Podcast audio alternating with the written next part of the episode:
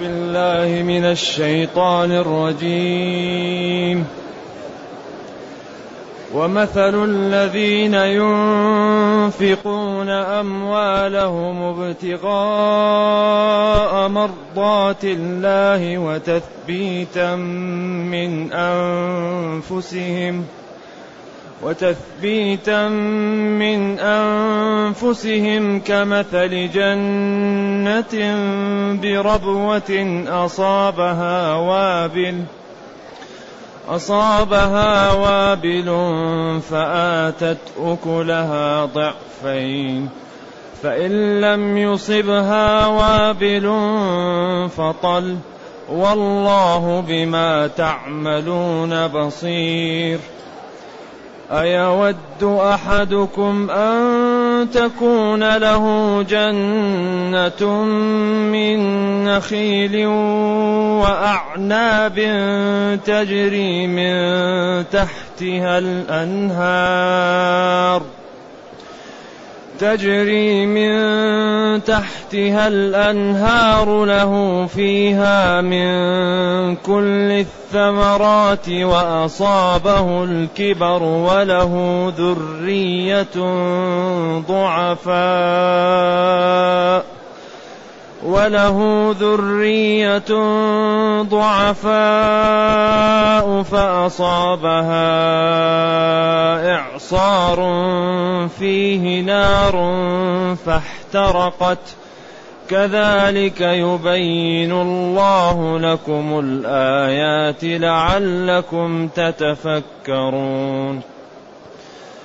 يا أيها الذين آمنوا أنفقوا من طيبات ما كسبتم ومما أخرجنا لكم من الأرض ولا تيمموا الخبيث منه تنفقون ولستم بآخذيه إلا أن تغمضوا فيه. واعلموا أن الله غني حميد.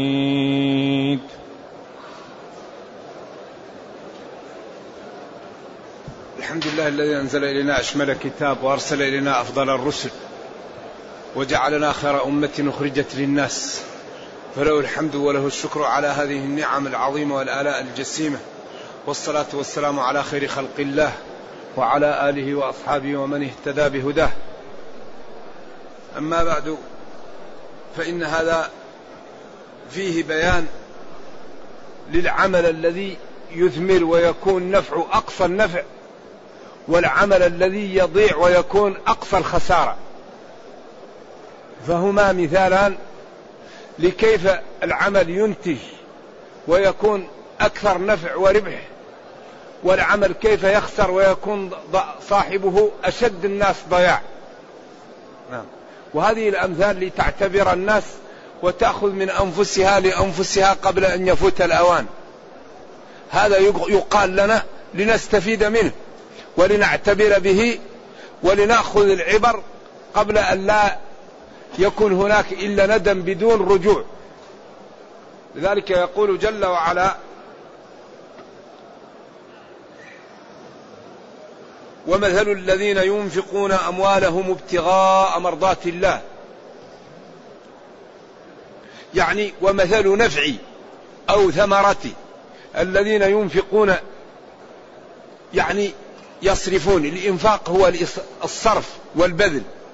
أموالهم ما ما يكون عندهم من المال والمال أقسام.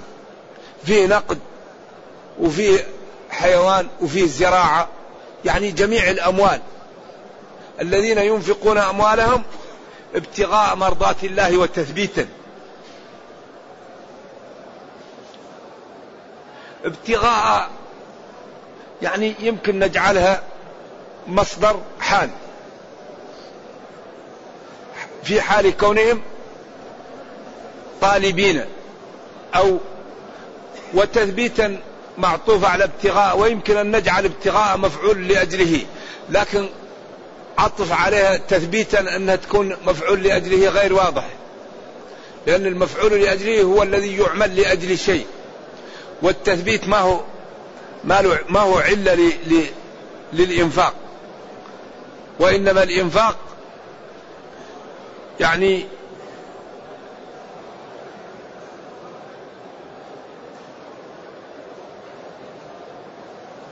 يكون توفيقا يعني. أيوة. ومثل الذين ينفقون أموالهم لأجل ابتغاء مرضات الله هذا واضح. ولكن لأجل التثبيت ما فيها شيء ولذلك بعض العلماء قال لا يعرب حالان. ولذلك منعوا أن يكون ابتغاء لعطفها على تثبيت قالوا يكون مصدران ولا يبعد لكن فيه نوع من في تثبيت. نعم. إذا وحال الذين ينفقون أموالهم لطلب مرضاة الله أو حال كونهم يعني مبتغين بذلك مرضاة الله ومثبتين أنفسهم تثبيتا لذلك يعني وموطنين أنفسهم على ذلك حالهم كمثل جنة الجنة البستان الذي يستر. إذا لم يكن البستان لا يستر لا يقال له الجنة. لا بد أن يكون أشجار إيش؟ طويلة لأنها من الجن والجنة هي تستر الداخل فيها. الربوة أو الربوة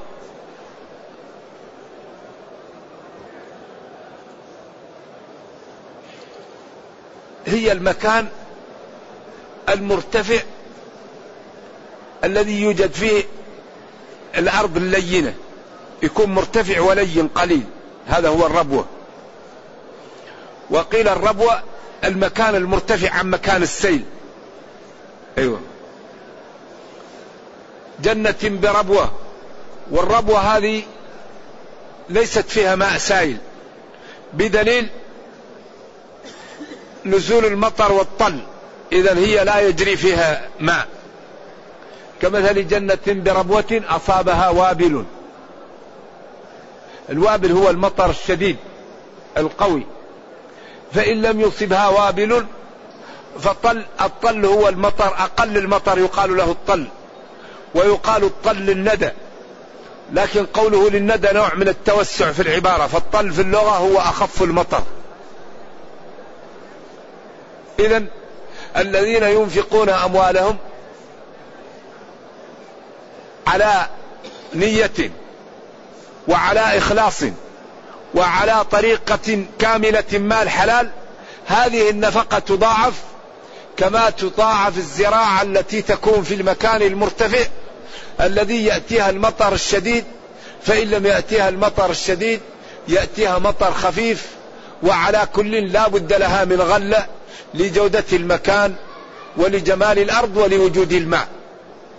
كما أن الذي يخلص في عمله لا بد أن ينال الأجر كذلك الذي يزرع في هذا المكان لا بد أن يحصد زراعة.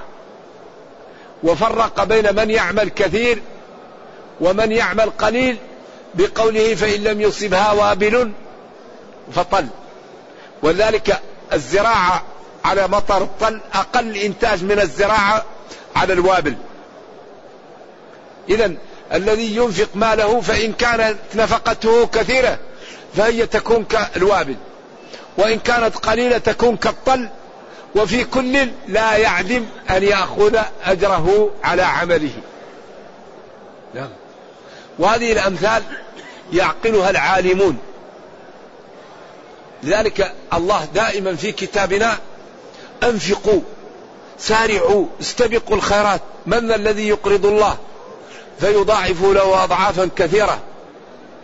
ونبينا صلى الله عليه وسلم يقول والله ما نقص مال من صدقة. لا توكي فيكي الله عليه. هذا يدل على ماذا؟ على جمال هذا الدين وعلى حسنه وعلى معرفته بما يرفع الأمة ويقويها. لأن من أكبر أسباب الألفة الإنفاق. النبي صلى الله عليه وسلم كان أهل الصفة كانوا كم؟ أربعمائة؟ ما كان عندهم شيء. وكان والحال كان صعب. كان ينفق عليهم. الذي يأخذ أربعة الذي يأخذ خمسة الذي يأخذ ستة. وكان الحال حال عجيب. لكن هؤلاء تعودوا على البذل. ولذلك الله وصفهم بقوله ويؤثرون على أنفسهم ولو كان بهم خصاصة. ولو كان بهم خصاصة يعني ولو كان عندهم حاجة وعندهم فقر وعندهم احتياج ولكن يؤثرون على أنفسهم. لذلك من من من أنبل صفات الإسلام الإيثار. الإيثار المسلم يؤثر على أخيه يؤثر هو يؤثر أخاه على نفسه. إذا هذه الآية يقول جل وعلا مثل الذين ينفقون أموالهم مثل يعني حسنات أو منافع أو الأجر الذين ينفقون أموالهم ابتغاء مرضات الله طلب مرضات الله. هنا لاحظ معي قوله ابتغاء مرضات الله الابتغاء طلب. ومرضات الله أي رضا الله. وطاعته. يبتغي بذلك رضا الله وطاعة الله. لا يبتغي بذلك أن يقال فلان جواد فلان كريم فلان صاحب نجدة فلان ما يقصر. لا ابتغاء مرضات الله. وتثبيتا من أنفسهم. لاحظ أيضا وتثبيتا من أنفسهم. لأن النفس إذا لم تثبتها لا تنفق. وإذا لم تثبتها لا تخلص. إذا أنت لابد تتابع النفس في, في, في جهتين. الجهة الأولى أنك تقول لها هذا الذي تعطيه هو الذي إيش؟ هو الربح. ما لك من مالك إلا ما تصدقت فأبقيت. أو أكلت فأفنيت. ما لك من مالك إلا ما فأبقيت. شو لاحظ معي تصدقت فأبقيت. هذا هو الرصيد اللي يبقى لك. أيكم مال غيره أحب إليه من ماله؟ قالوا كلنا مالنا أحب إلينا. قال لا كلكم مال غيركم أحب إليكم من مالكم. مال غيركم الموروث. ما هو مالك؟ مال غيره. أما مالك الذي تقدمه. الذي تقدمه هو مالك أو الذي تأكله أو تلبسه. أما الذي يبقى ليس بمالك مال غيرك. لذلك قال كلكم مال وارثه مال غيره أحب إليه من ماله. وتثبيتا من أنفسهم يعني ثبت الشيء إذا قواه وجعله يدخل فيه اليقين وجعله تدخل فيه الطمأنينة. ينفقون متيقنين أن هذا الإنفاق أحسن مما لو تركوه. متيقنين أن الأجر عند الله أن الذي ينفقونه أكثر. أو متثبتين في الإنفاق حتى يكون على إخلاص وعلى يقين. فإن أراد أن ينفق ووجد شكا في الرياء أو في السمعة أو في غير الحلال توقف عن الإنفاق. لا يضع النفقة إلا إيش؟ إلا في مكانها. تثبيتا يثبت نفسه على الإخلاص ويثبت نفسه على الإعطاء. إذا النفس لا لا بد أن تثبت على الجهتين. الجهة الأولى تثبتها على الإعطاء. الجهة الثانية تثبتها على الإخلاص. ولذلك النفس أمارة بالسوء. وآفة العقل إيش؟ الهوى. فمن علا على هواه عقله فقد نجا. العقل آفته الهوى. ولذلك إذا لم يأطر المسلم نفسه على الخير ويرغمها عليه تجمح به إلى إيش؟ إلى المعاصي وإلى النفور. ولذلك قال إن النفس لأمارة بالسوء. لكن الذي يراقبها ويأطرها هي بإذن الله تكون له ذلولا وفي النهاية تكون عونا له على الطاعة. بحيث تكون النفس تهوى الخير. لكن هذا لا يكون إلا عن دربة وعن مكابدة. متى تكون النفس تهوى الخير؟ إذا كابدها صاحبها وذللها للطاعة. عند ذلك تكون ذلولة وتكون تريد الخير ولا تريد الشر. لكن هذا لا يكون إلا بماذا؟ بالمجاهدة. والذين جاهدوا فينا. لنهدينهم سبلنا.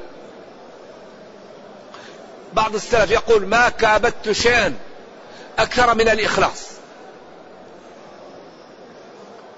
واحد قال له رجل صالح قال له يا أخي أنا رقيق عند فلان ونريدك أن تخطب أو تلقي كلمة في فضل العتق. فجلس الرجل سنة. وبعدين راح وخطب في فضل العتق وسيد هذا الرجل اعتقه. فجاءه قال له جزاك الله خير. ولكن قال له تأخرت سنة كاملة. قال له أنا سنة كاملة كنت أجمع ثمن رقيق لأشتريه وأعتقه ثم بعد ذلك أتكلم في الموضوع بعد أن نتلبس به. فما كان عندي مال وكنت أقسط ثمن الرقيق حتى أعتقت رقيقا عند ذلك رغبت في أن الناس تعتق. لذلك إذا كان الإنسان الذي يتكلم متشبع بما يقول كل من سمعه تأثر به. ونحن عندنا في المثل أن التصدير يكون بعد إيش؟ بعد الاكتفاء. فالمسلم إذا تشبع بالإيمان العدوى منه محققة. إذا دعا يستجاب له وإذا سأل يعطى وإذا كلم شخص يقتنع وإذا قال قولا فهم. لكن هذا لا يكون إلا بما لا بالمكابدة وبأن يتشبع المسلم من الإيمان. إذا يقول جل وعلا تثبيتا من أنفسهم. تثبيت. النفس يكابدها حتى تثبت على الإخلاص وتثبت على البذل وأنها تتيقن أن الله سيعوضها عن هذا أكثر. كمثل جنة بستان بمكان مرتفع أصابه وابل مطر شديد. فآتت أي الجنة أو البستان أكلها ضعفين أكلها أو أكلها. آتت ثمرتها ضعفين. قيل أثمرت مرتين في السنة وهذا بعيد. وقيل لا أنتج البستان ضعفي ما ينتج مثله. لجمال المحل ولحسن الأرض وللمناخ ول يعني المطر الذي يأتيه. فإن لم يصبها وابل فطل كذلك المنفق إذا كان على إخلاص إن أنفق كثير يجد كثير وإن أنفق قليل أيضا يجد ثمرته. فطل. والله جل وعلا بالذي تعملونه بصير أو بعملكم بصير. والجملة صالحة للترغيب والترهيب. فما دام الله بصيرا بأعمالنا فالمخلص يجتهد في الإخلاص والمتلاعب والظالم يتوب عن الظلم حتى لا يقع في إيش؟ في العقوبة. فالجملة صالحة للترغيب والترهيب وهذا من إعجاز القرآن.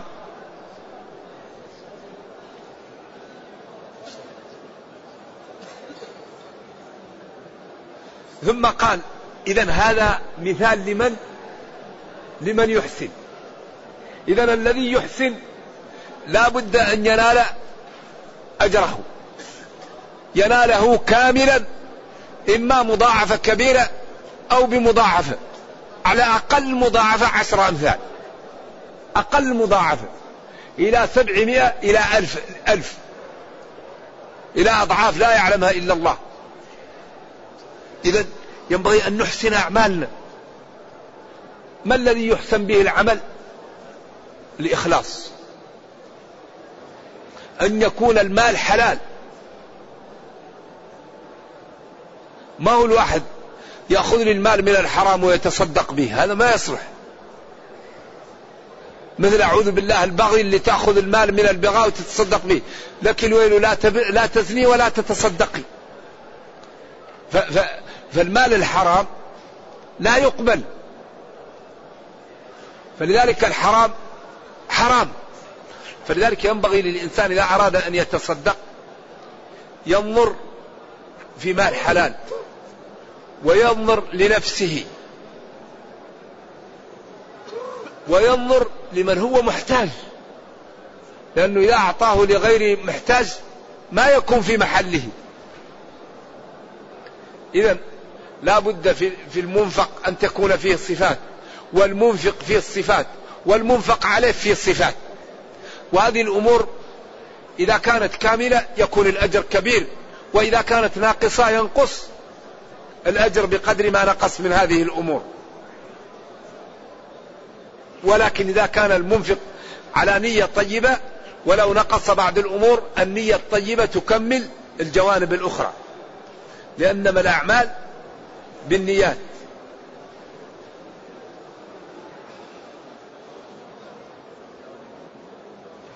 ثم قال أيود أحدكم أيتمنى أو يريد أن تكون له جنة بستان من نخيل وأعناب؟ هذا أجمل أنواع البساتين النخيل والعنب وأنفسها وأحسنها. تجري من تحتها أي من تحت هذه المزرعة الأنهار.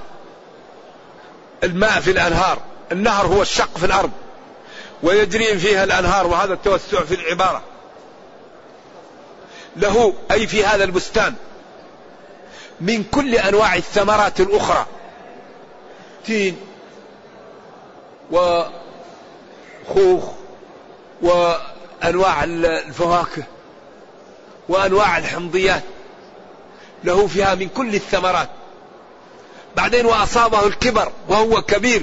لا إله إلا الله. ما أجمل هذا التعبير. وله ذرية ضعفاء. هذا شدة الإيضاح في أن هذا في أمس الحاجة لهذا الشيء.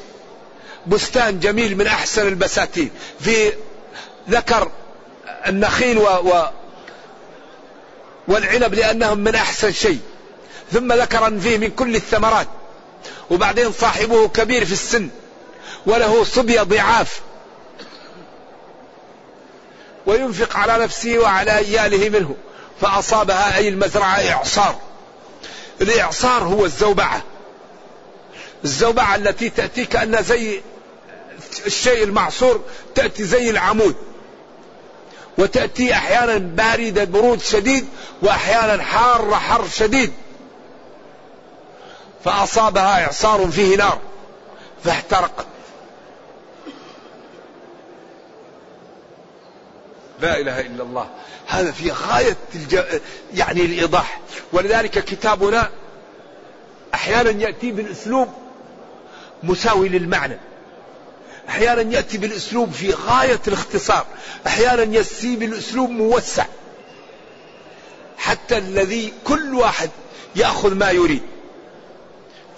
فمن الأسلوب المساوي وذروا ظاهر الإثم وباطنه. هذا الكلام ما فيه أجمل منه ولا أوضح. ومن الأسلوب المختصر. وكذب به قومك. وهو الحق. قل لست عليكم بوكيل. لكل نبأ مستقر وسوف تعلمون. جمل مختصرة لكنها مليئة مليئة مليئة. وأحيانا يأتي الأسلوب موسع موسع موسع وموضح حتى يقول السامع كفاني كفاني كفاني. فهم؟ أيود أحدكم أن تكون له جنة من نخيل وأعناب تجري من تحتها الأنهار له فيها من كل الثمرات. الأسلوب يوسع يوسع. وأصابه الكبر وله ذرية ضعفاء فأصابها إعصار فيه نار فاحترقت. كذلك يبين الله لكم الآيات. سأل عمر رضي الله عن الصحابة والحديث في البخاري عن هذه الآية. فقالوا الله أعلم. فغضب عليهم. وقالوا قولوا نعلم أو لا نعلم. هم قالوا الله أعلم. قال لهم أنا أعرف أن الله أعلم. لكن قولوا نعلم أو لا نعلم. فسكتوا. فقال ابن عباس عندي فيها شيء. قال له قل يا ابن أخي ولا تحتقر نفسك. فقال هو مضروب لرجل عمل قال ماذا عمل قال عمل في الخير. حتى إذا دنا أجله وكبرت سنه جاءه الشيطان وعمل في الشر حتى استهلك ما عنده في الشر. فاستحسن عمر هذا الكلام وصوبه. إذا هو مثل لأن الإنسان يعمل للخير وينتج ينتج ينتج حتى إذا صار في قمة الإنتاج ضاع عليه ذلك. نعم. فأصابها إعصار فيه نار فاحترقت. كذلك يبين الله لكم الآيات مثل هذا البيان. مثل هذا البيان يبين الله لكم الآيات لعلكم تتفكرون. لعلكم تتفكرون في خطورة الأمر وفي خطورة الدنيا. فتأخذوا لأنفسكم قبل أن لا يكون لكم شيء. ولذلك التفكر في هذا ليعتبر الإنسان ويأخذ من نفسه لنفسه. يتوب يعمل خير يصلح أعمال يكابد يعني الطرق التي لا تجعله يخلص. يسأل الله الإخلاص. ويعلم أن الناس عجزة. الناس لا يمكن أن تعطيك شيء. الذي يقدر من؟ الله. هو اليقدر. وهو الذي يغني. وهو الذي يعز. وهو الذي يفقر. وهو الذي يميت. وهو الذي يحيي. غير الله عاجز. إذا من الخور ومن السفه أن يعمل العبد لغير ربه. لأن الله يقول إن الله لا يضيع أجر من أحسن عملا. ويقول ولا ينصرن الله من ينصره. أما غير الله ما يمكن أن يعمل لك شيء. لذلك إذا توكلت عليه أهلكت نفسك. وتوكل على من؟ الحي الذي لا يموت. قال العلماء غير الله إذا توكلت عليه ومات أوقعت نفسك في الهلك. ولذلك سبحان الله العظيم هذا المال الذي تحبه النفوس الله أخبر أنه في السماء أن رزقنا في السماء. وأكدها بأربع مؤكدات. تعرف لماذا أكدها؟ أربع مؤكدات. فوربي قسم. إن اللام لحق مثل ما أنكم تنطقون. أربع مؤكدات. لماذا يؤكد أن في السماء رزقنا؟ لأن الواقع أن كل واحد يكذب هذا الكلام. لأنه ما يرى ما يرى مزرعة في السماء. ما يرى منجرة في السماء. ما يرى متجر. ما يرى وظيفة. وهو لا يصدق بهذا كثير فكأن الناس وإن كانت لا لا لا, لا تكذب بهذا لكن أفعالها كأنها إيش؟ كأنها غير مصدقة. لذلك الله أكد لهم هذا حتى يطمئنوا. لذلك ينبغي للمسلم أن يستريح. يتسبب لكن يستريح ويعلم أن رزقه يبحث عنه أكثر مما هو يبحث عن الرزق. لن تموت نفس حتى تستكمل أو تستوفي رزقها وأجلها. فاتقوا الله وأجملوا في الطلب إذا ينبغي لنا أن نتسبب لأن ترك الأسباب لا يجوز تواكل. ولكن نطمئن ونعلم أن الذي قدره الله سيقع. ولذلك هذه الآيات هاتان الآيتان يبينان خطورة ضياع العمل وخطورة إصلاح العمل. ونفعه. وبضدها تتميز الأشياء. وأخطر ما يضيع العمل هو الرياء والسمعة وعدم الإخلاص. وأخطر ما ينال المسلم المعاصي لأن المعاصي من خطورتها أنها تقسي القلب.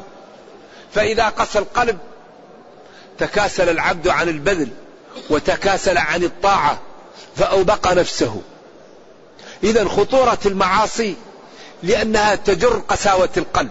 فإذا قسى القلب لا يخاف العبد من ربه. فإذا لم يخف لا يقوم الليل لا يغض طرفه لا يترك أعراض المسلمين لا يترك السماع للحرام لا يترك الجلوس عن الذهاب للحرام يلمس بيده حرام يضع في بطنه حرام يرسل فرجه إلى الحرام في فيهلك نفسه.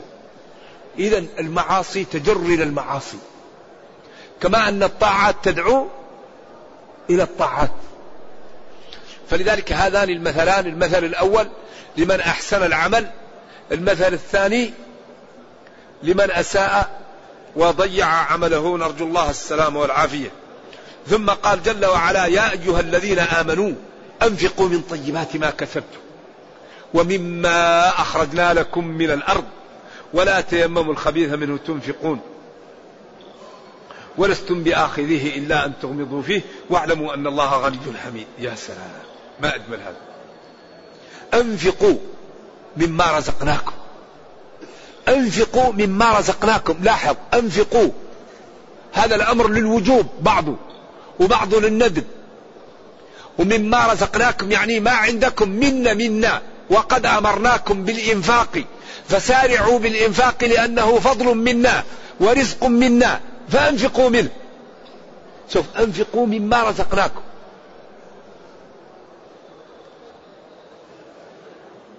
الإنفاق مبتدئ مما رزقناكم أو من جنس ما رزقناكم أو أنفقوا من بعض ما رزقناكم كله محتمل. بعدين هذا يجعل المنفق ينفق وهو مستريح. ربه كريم وغني ولا يضيع أجر من أحسن عملا وأمره بالإنفاق وأشار على أن المنفق من رزقه وهو الذي أعطاه. اذا لم نمنع اذا أنفقوا مما رزقناكم.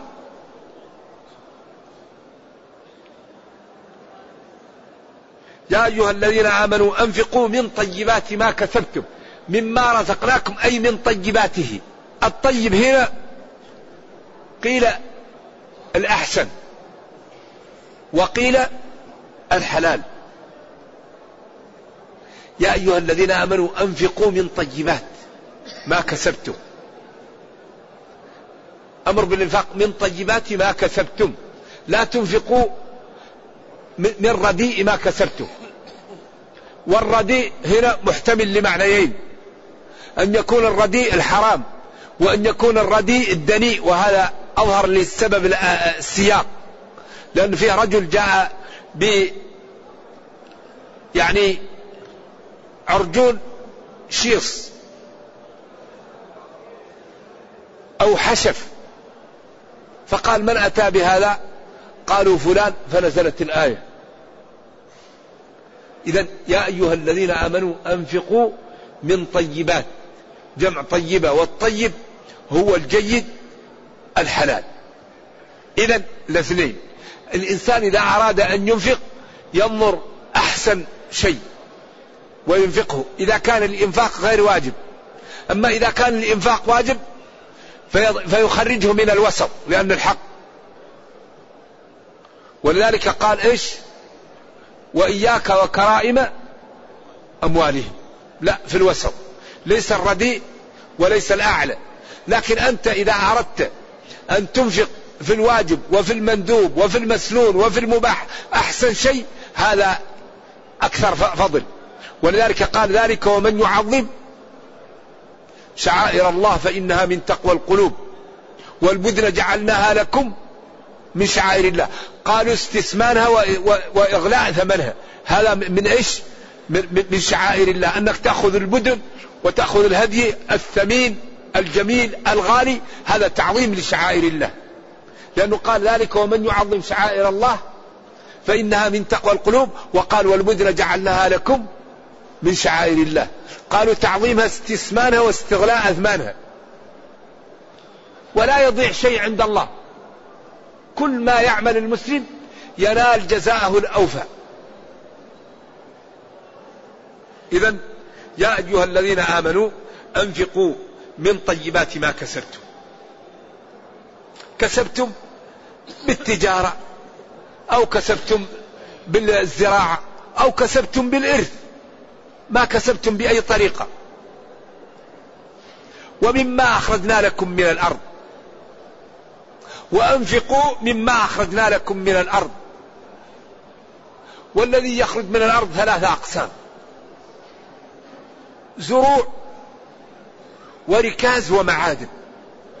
هذا يخرج من الأرض. الزروع مبين. ليس فيما دون خمسة أو سق صدقة وهو ست ثلاثمائة صاع الذي أقل منها ما فيه صدقة وفيما سقي بالنضح نصف العشر وفيما سقي سقت السماء العشر. وفي الخضروات ولا يوجد فيها شيء على قول الجمهور وإنما يخرج منها إذا بعت الفواكه والخضروات على القول الراجح أنه يضم ما يخرج منها لعروض التجارة ويزكى مع ذلك. أما الحبوب والشعير والقمح وكل هذه الأمور يخرج منها الزكاة عند حصادها لا تحتاج إلى السنة الركاز الجمهور يقول فيه الخمس وهو لصاحبه. إن وجد في بلاد المسلمين وجده شخص هو له. أما إن وجد في بلاد للمسلمين جميعا فهو يكون كالفئ لهم جميعا. والمعادن منهم من يقول هي كالركاز كأبي حنيفة ومنهم من يقول المعادن إن وصلت إلى آه، النصاب فتخرج إن كانت ذهبا أو فضة. نعم يخرج منها الذهب عشرين دينار أو مئتا درهم. هذا هو النصاب. إذا مما أخرجنا لنا من الأرض إما معادن أو ركاز أو زروع. وكل يخرج من هذه. إذا ينفق منها. أنفقوا من طيبات ما كسبتم ومما أخرجنا لكم من الأرض ولا تيمموا الخبيث منه تنفقون ولا تقصدوا الرديء منه تنفقون. بعدين هنا تعامل مع مكامن النفس لتفهم. ولذلك الإسلام هذا القرآن إذا خاطب يخاطب مكامن النفوس. شوف ولا تيمموا الخبيث منه تنفقون. ولستم بآخذيه إلا أن تغمضوا فيه. إذا أعطي لك هذا الخبيث لا يمكن تأخذه إلا على مضاضة أو تعلم أنك تركت شيئا من حقك ضاع. لابد من الإغماض. والإغماض هو أن تغمض عينك على ألم فيها. لأنك إذا حركتها يدقك ما في العين. فأنت تغمضها ليسكن الألم. فشبه ما تقع في نفسك من الإغضاء على ما هو أقل من حقك بالإغماض. ولستم بآخذيه إلا أن تغمضوا فيه. عجيب هذا. كما قال هناك ولا تقولوا لمن ألقى إليكم السلام لست مؤمنا تبتغون عرض الحياة الدنيا فعند الله مغانم كثيرة. قال له أقتلته بعد أن قال لا إله إلا الله؟ ما لا تقول بلا إله إلا الله؟ حتى قال تمنيت أني أكون لم أدخل الإسلام قبل ذلك الوقت. ولا تقولوا لمن ألقى إليكم السلام. لست مؤمنا تبتغون عرض الحياة الدنيا فعند الله مغانم كثيرة. كذلك كنتم من قبل فمن الله عليكم فتبينوا. هذا هذا يعني خطاب لمكامن النفوس. ولذلك قال وبالوالدين إحسانا إما يبلغن عندك الكبر أحدهما أو كلاهما فلا تقل لهما أف. ولا تنهرهما. وقل لهما قولا كريما. واخفض لهما جناح الذل من الرحمة. وقل رب ارحمهما كما ربياني صغيرا. بعدين؟ ربكم أعلم بما في نفوسكم. عجيب عجيب الإسلام. مكامن يطلع مكامن النفوس. شوف والنبي صلى الله عليه وسلم يقول والله لا يؤمن أحدكم حتى يحب لأخيه ما يحب لنفسه. مكامن النفوس الإسلام يطلعها حتى يروض النفس وتكون من أزكى النفوس ومن أحسن النفوس فتكون الأمة خير أمة. بين التآلف والتحابب ولا يوجد الحقد ولا يوجد الحسد فتكون الأمة أقوى أمة. لذلك هذا الدين دين عملاق الإسلام. الإسلام لا يقاوم إلا بالتكميم أو بالتجهيل. فديننا دين لا يقاوم. حري بنا أن نفهمه حري بنا أن نلبسه حري بنا أن نظهر للناس جمال الدين في حياتنا. ولا نكون نقرأ القرآن في المساجد وإذا أردنا أن نخرج من المسجد نقول للقرآن مع السلامة خليك في المسجد حتى نرجع إليك. ينبغي أن يكون القرآن معنا في الشارع وفي البيت وفي المكتب وفي الطائرة وفي المزرعة وفي كل محل. أما يكون عندنا الدين في المسجد وإذا خرجنا عن المسجد نترك الدين هذا مشكل. ينبغي أن نلبس الدين لينفعنا وينفع غيرنا. لأن أحسن ما يعامل به في هذه الأيام القدوة الحسنة. ما رأيت شيئا أكثر نفعا من القدوة. إذا يقول جل وعلا أنفقوا من طيبات ما كسبتم. أبذلوا. من حلالات ومن أحسن ما كسبتم. ومما أخرجنا لكم من الأرض من الزروع ومن المعادن ومن غير ذلك. ولا تيمموا الخبيث تيمموا أو التيمموا كله يجوز فيها ثلاثة تجوز فيها. بعضها قرئ به وبعضها لا أدري. الخبيث الرديء.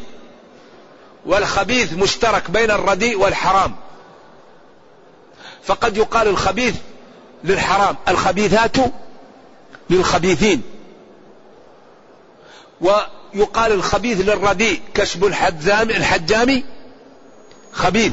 من أكل من هذه الشجرة الخبيثة فلا يقربن مسجدنا يؤذنا لذلك بعضهم قال هذا المقصود به النهي عن أكل الثوم والبصل من غير الطبخ والذهاب للمسجد لأن هذا فيه أذية للمسلمين.